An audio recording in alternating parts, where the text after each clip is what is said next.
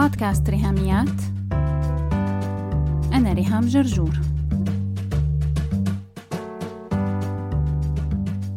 مرحبا. بالحلقة الماضية تعرفنا على كتاب اسمه No Bad Parts ضمن سلسلة حلقات شلفي ببودكاست ريهاميات. وأنا اخترت هالكتاب هذا تحديدا حتى يكون مقدمة ويساعدنا نبتدي نتعرف على نظرية أسسها الدكتور ريتشارد شوارتز واسمها IFS Internal Family Systems. نموذج أنظمة الأسرة الداخلية. ومثل ما وعدتكم أننا بحلقة اليوم رح نحكي عن هالموضوع بشوية تفصيل أكثر دكتور شوارتز هو معالج أسري اشتغل بالعلاج النفسي سنين طويلة وبعدين سنة 1990 أسس العلاج بال IFS.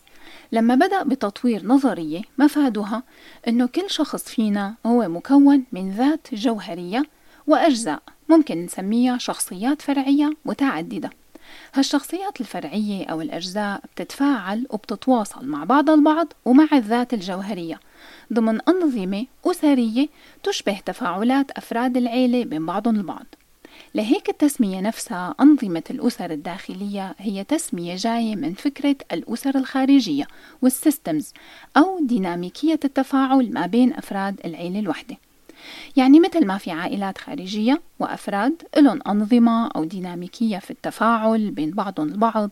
كمان جواتنا بداخل كل شخص فينا هناك عائلات أو كذا أسرة بتتفاعل مع بعض البعض وهي يلي ممكن نسميها شخصيات فرعية sub personalities أو أجزاء parts.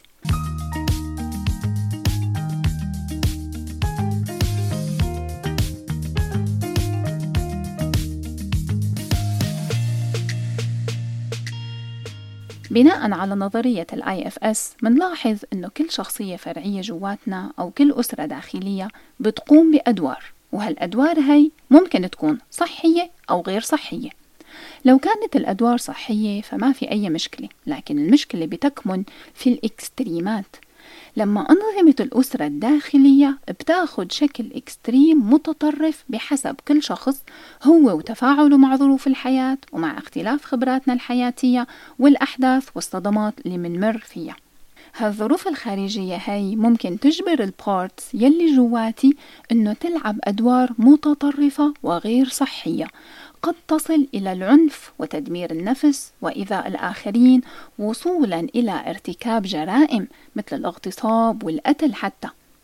لكن الرائع والمذهل جدا بنظرية IFS إنه هي ليس فقط بترصد أنظمة الأسرة الداخلية لكن كمان بتطرح طرق علاجية لأنه الأدوار الداخلية جواتي ليست ثابتة ودائما في أمل. في أمل أنه تتغير الأدوار مع الجهد والوقت. لحتى أوصل لتحقيق التوازن في النظام الداخلي جواتي.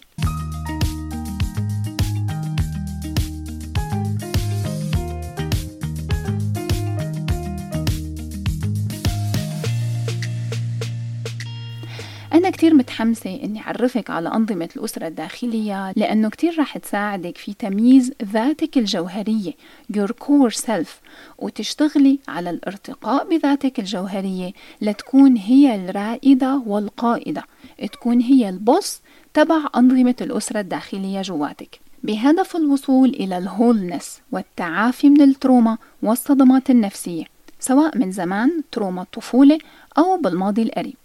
تعالوا نتعرف على الثلاث عائلات أو ال three parts في أنظمة الأسرة الداخلية وشو هي أدوارهم لهالشخصيات الفرعية. Sub personalities. راح أعرفك بالأول على التسميات الرسمية تبع نظرية IFS لكن كمان حابة شاركك مصطلحاتي الخاصة وفهمي أنا لهالنظرية وتطبيقاتها بحياتي ومع العملاء أو ال clients في حالات المشورة يلي بتجيني. نموذج أنظمة الأسرة الداخلية مثل ما أسسه دكتور شوارتز بيقول إنه الشخص عنده ذات self وشخصيات فرعية sub personalities بينقسموا إلى ثلاث فئات المدراء والمنفيون والإطفائيون. عموما الشخصيات الفرعية كتار كتير عدد كبير جدا لكن كلهم بيندرجوا ضمن واحدة من هالفئات الثلاثة المختلفة والمنفصلة والمستقلة عن الذات الجوهرية. Core self. أول بارت هن المدراء managers وهي الأجزاء يلي إلها أدوار وقائية أو أدوار الحماية لأنه هن يلي بيتحملوا مسؤولية طريقة تفاعل الشخص مع العالم الخارجي بهدف حمايته. أول شي حمايته من الأذى يلي ممكن يسببوه الآخرين بالحياة وتاني شي حمايته من المنفيين. لأن المدراء هن يلي بيعملوا block أو بيمنعوا المشاعر والتجارب المؤلمة أو الصادمة بعد trauma من أنه تطفو على السطح أو تأثر على الشخص بشكل واعي ومباشر. هي الأجزاء يلي هي مدراء بتكون ذات صفات كمالية عندها ال perfectionism عالي جدا والانضباط هو الأساس. يعني هي يلي بتقلك شو المفروض يتعمل وقائمة ال shoulds لازم هيك المفروض هيك لأنه أجزاء المانجرز هدفها تخلي مظهرك قدام الناس مقبول وبنفس الوقت هدفها تكبت أي تسريب لأي مشاعر جاي من المنفيين يلي رح نشرحهم بعد شوي. المدراء هن يلي بيعملوا التخطيط والتحكم والتنظيم وكل شي لازم يكون تحت السيطرة وبالمسطرة. هاي غير غنية مسيطرة همشيك مسطرة بس الفكرة قريبة. يا لهوي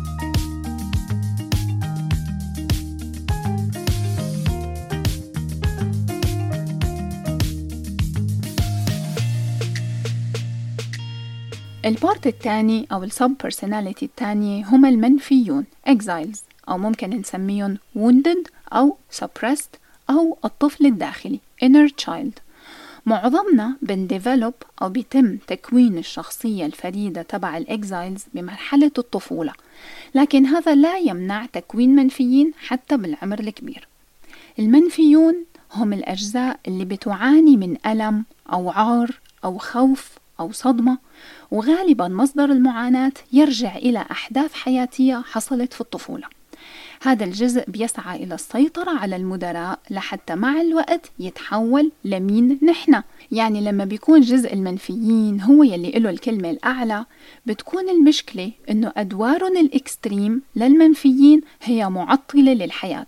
لما بتخلي شخص يلعب دور الضحية طول الوقت عايش في حالة البكاء على الأطلال ولعق الجراح والانغماس في الماضي مع أنه الأدوار الصحية تبع المنفيين هي أمر رائع جدا. الأجزاء المنفية جواتنا كل غايتها وهدفها إنها تتسمع. المنفيون exiles هم أجزاء تتوق وتشتاق وتحتاج أن تكون مسموعة ومتشافة validated في اعتراف فيها.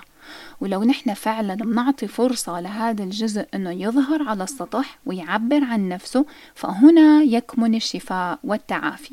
لكن استحالة. المدراء والإطفائيون يقفون بالمرصاد للمنفيين. بمعنى أي شعور بالألم؟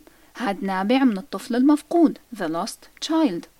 لهيك الجزء يلي سميناه المدراء بيقرروا إنه هذا الشعور بالألم لازم يتم كبته أو تجاهله أو إنكاره. هذا من ناحية المدراء. أما من ناحية الأطفائيين فهذا الجزء بيقول إنه المنفيين بارت لازم نخدره. طالما فيه ألم وخزي يبقى لازم يسكت بأي طريقة. لهيك تعالوا نشوف مين هن الأطفائيين.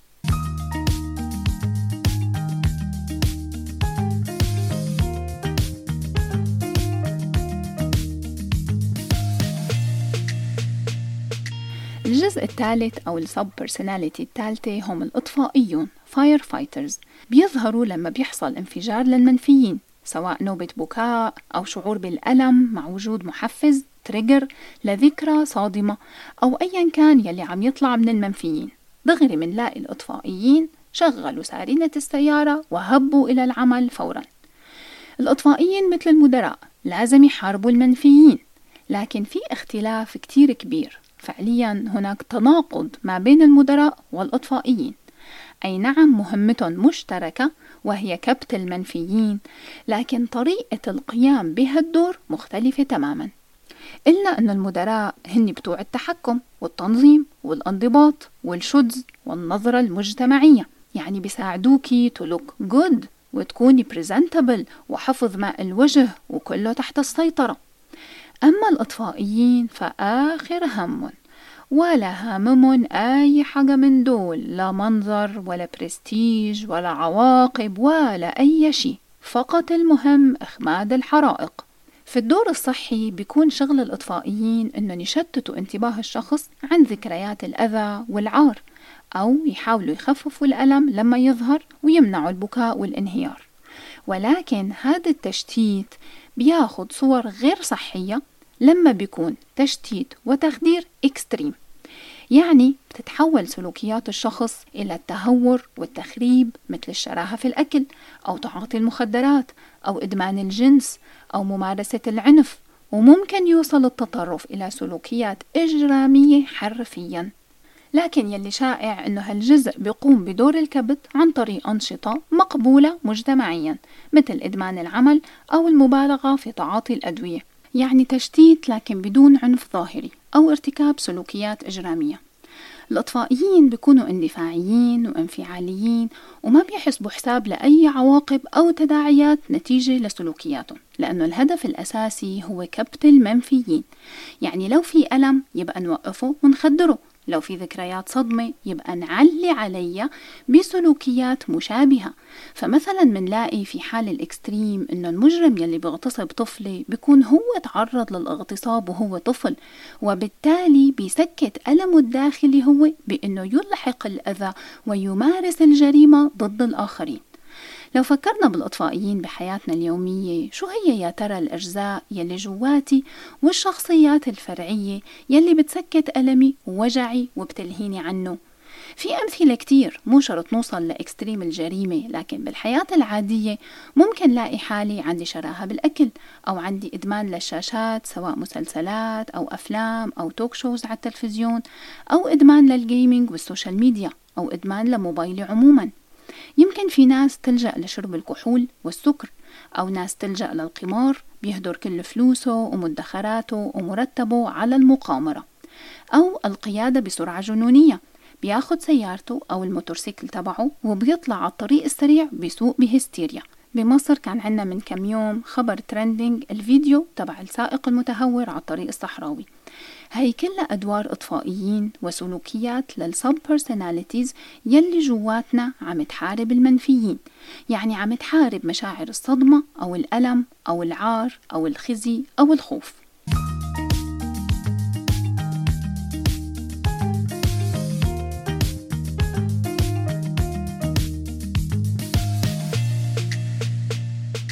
مع هالأجزاء الثلاثة قلنا إنه جواتنا في the core self.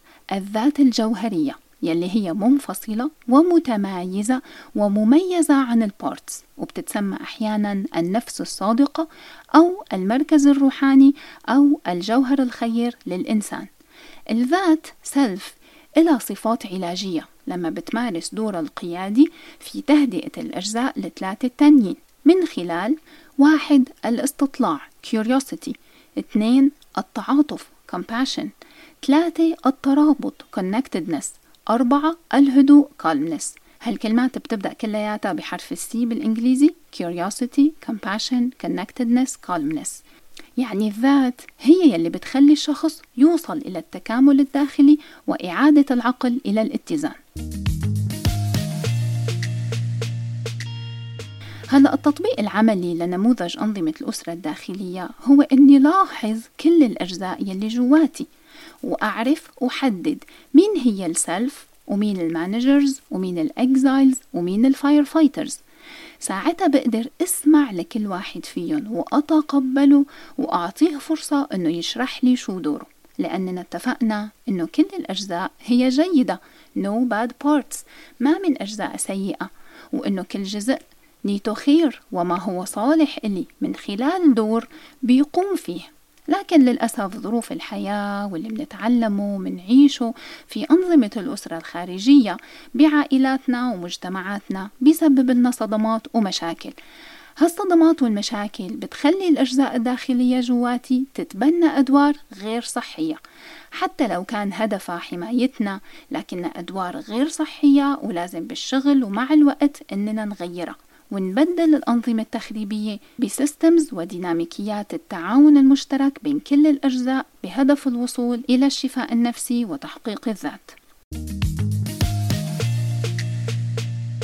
بعد ما تعرفنا على الأجزاء parts في نظام الأسرة الداخلية IFS الذات، المدراء، المنفيون الإطفائيون فينا نفهم كيفية عمل IFS Therapy المعالج النفسي يلي بيستخدم نموذج الأنظمة الأسرية الداخلية بيشتغل إنه يساعد العميل أو المريض إنه أول شيء يفك الارتباط بين الأجزاء المختلفة فيكون عنده وعي وتمييز للأدوار تبع كل part تاني شي بيشتغل المعالج مع ال client على كل جزء من هالأجزاء إنه تتخلى عن الأدوار المدمرة وتدخل في تعاون متناغم بقيادة الذات. لأنه طالما كل جزء عم يعمل دور extreme فهاد بخلي الصراع دائم ما بين الأجزاء. من فينا يكون له الكلمة الأخيرة ويكون dominant ومسيطر على الأجزاء الثانية. لكن لما بيحصل التناغم بين الأجزاء الثلاثة تحت قيادة الذات فهذا بتكون نتيجته وثماره رائعة. بيحصل النمو والتطور والنضوج للشخص بصير عنده الوعي الذاتي عالي وأهم شيء بيوصل للشفاء النفسي من صدمات الطفولة ومن أي تروما حصلت له بالماضي البعيد أو القريب. يعني باختصار هدف علاج IFS هو شفاء الأجزاء المصابة واستعادة التوازن العقلي عن طريق الشغل على العلاقات بين ال parts وال self بهدف إنشاء علاقة توازن وثقة بين الأجزاء وبين الذات.